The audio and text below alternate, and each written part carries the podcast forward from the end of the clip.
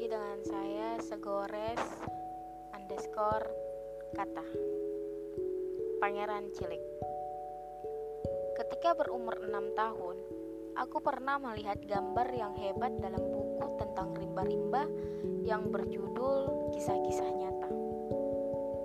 Gambar itu melukiskan seekor ular sanca yang sedang menelan seekor binatang buas. Dalam buku ini menjelaskan Ular sanca menelan mangsanya bulat-bulat tanpa mengunyahnya. Kemudian, mereka tidak mampu bergerak lagi dan tidur selama enam bulan untuk mencerna mangsanya. Maka aku lama berpikir tentang kejadian luar biasa di rimba raya. Dan dengan sebuah pensil berwarna, aku pun berhasil membuat gambarku yang pertama.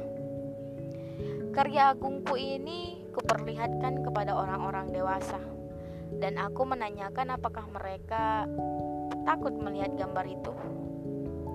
Mereka menjawab, "Mengapa harus takut pada topi?" Gambarku tidak melukiskan topi, tetapi ular sanca yang sedang mencernakan gajah.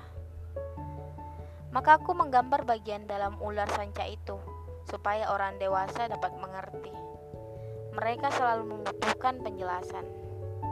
Orang dewasa memberi aku nasihat agar mengesampingkan gambar ular sanca terbuka ataupun tertutup. Dan lebih banyak memperhatikan ilmu bumi, sejarah, ilmu hitung, dan tata bahasa.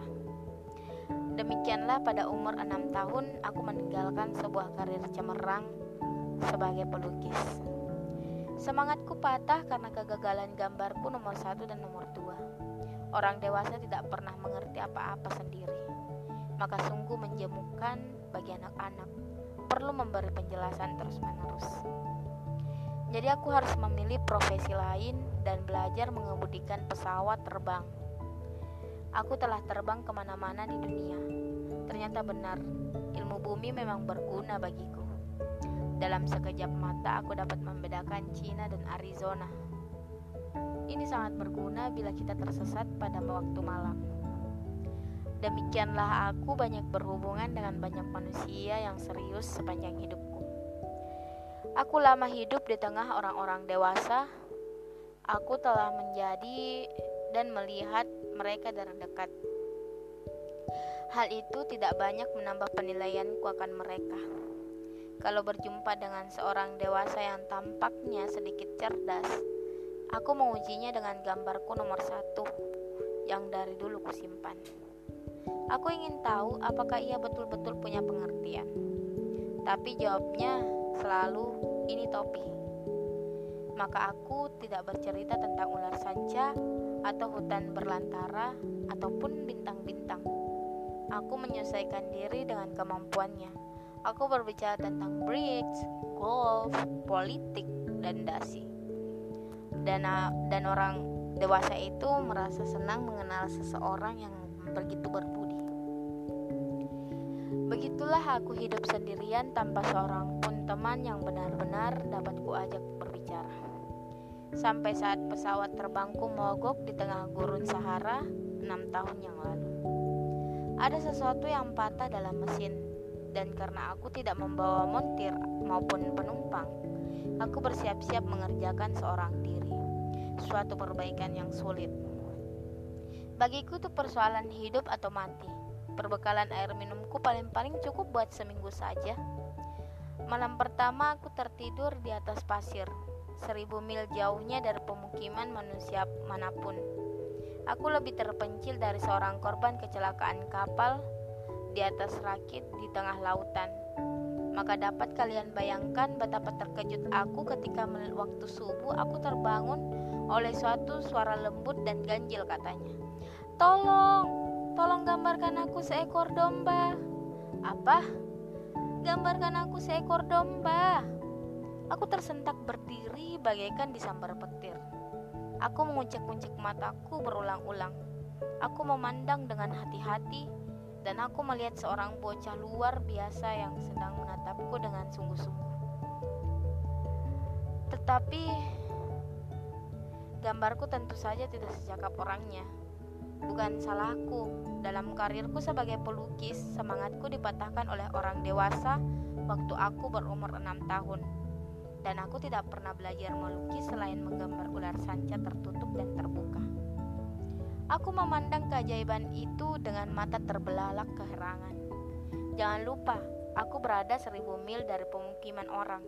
Sedang bocah itu sama sekali tidak kelihatan tersesat atau sekarat karena kecapekan, kelaparan, kehausan, ataupun ketakutan. Ia sama sekali tidak tampak seperti seorang anak yang tersesat di tengah-tengah gurun seribu mil jauhnya dari pemukiman orang. Ketika akhirnya berhasil bicara, aku bertanya, "Tapi apa yang kamu lakukan di sini?" Maka ia kembali berkata dengan amat lembut, seolah-olah sesuatu yang penting sekali. "Tolonglah, gambarkan aku seekor domba." Apabila suatu keajaiban terlalu memukau, kita tidak berani membantah, betapapun tidak masuk akal. Seribu mil jauhnya dari pemukiman orang dan terancam bahaya mati Aku mengeluarkan selai kertas dan sebatang pena dari kantongku. Tetapi pada saat itu aku teringat bahwa yang kupelajari terutama ilmu bumi, sejarah, ilmu hitung, dan tata bahasa. Dan aku katakan kepada bocah itu dengan nada sedikit kesal bahwa aku tidak pandai menggambar. Jawabnya, "Tak apalah, gambarkan aku seekor domba." Karena belum pernah menggambar domba, maka kubuatkan untuknya salah satu dari kedua lukisan yang mampu kubuat, yaitu ular sanca tertutup. Dan aku tercengang mendengar bocah itu berkata, "Bukan, bukan. Aku tidak mau seekor gajah dalam perut ular sanca.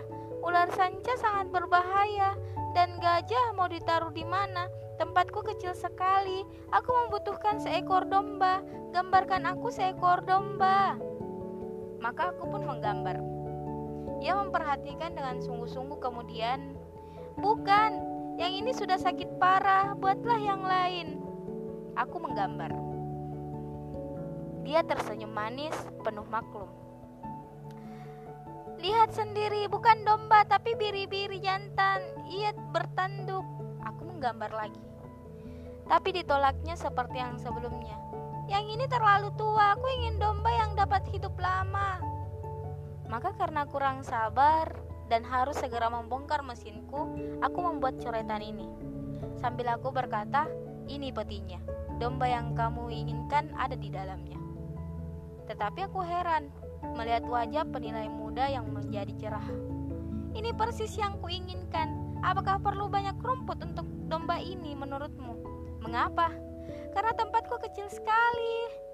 Pasti cukup. Aku memberimu domba yang sangat kecil. Ia menunduk ke gambar itu. Tidak sekecil itu, lihat ia tertidur. Begitulah mulanya aku berkenalan dengan Pangeran Cilik.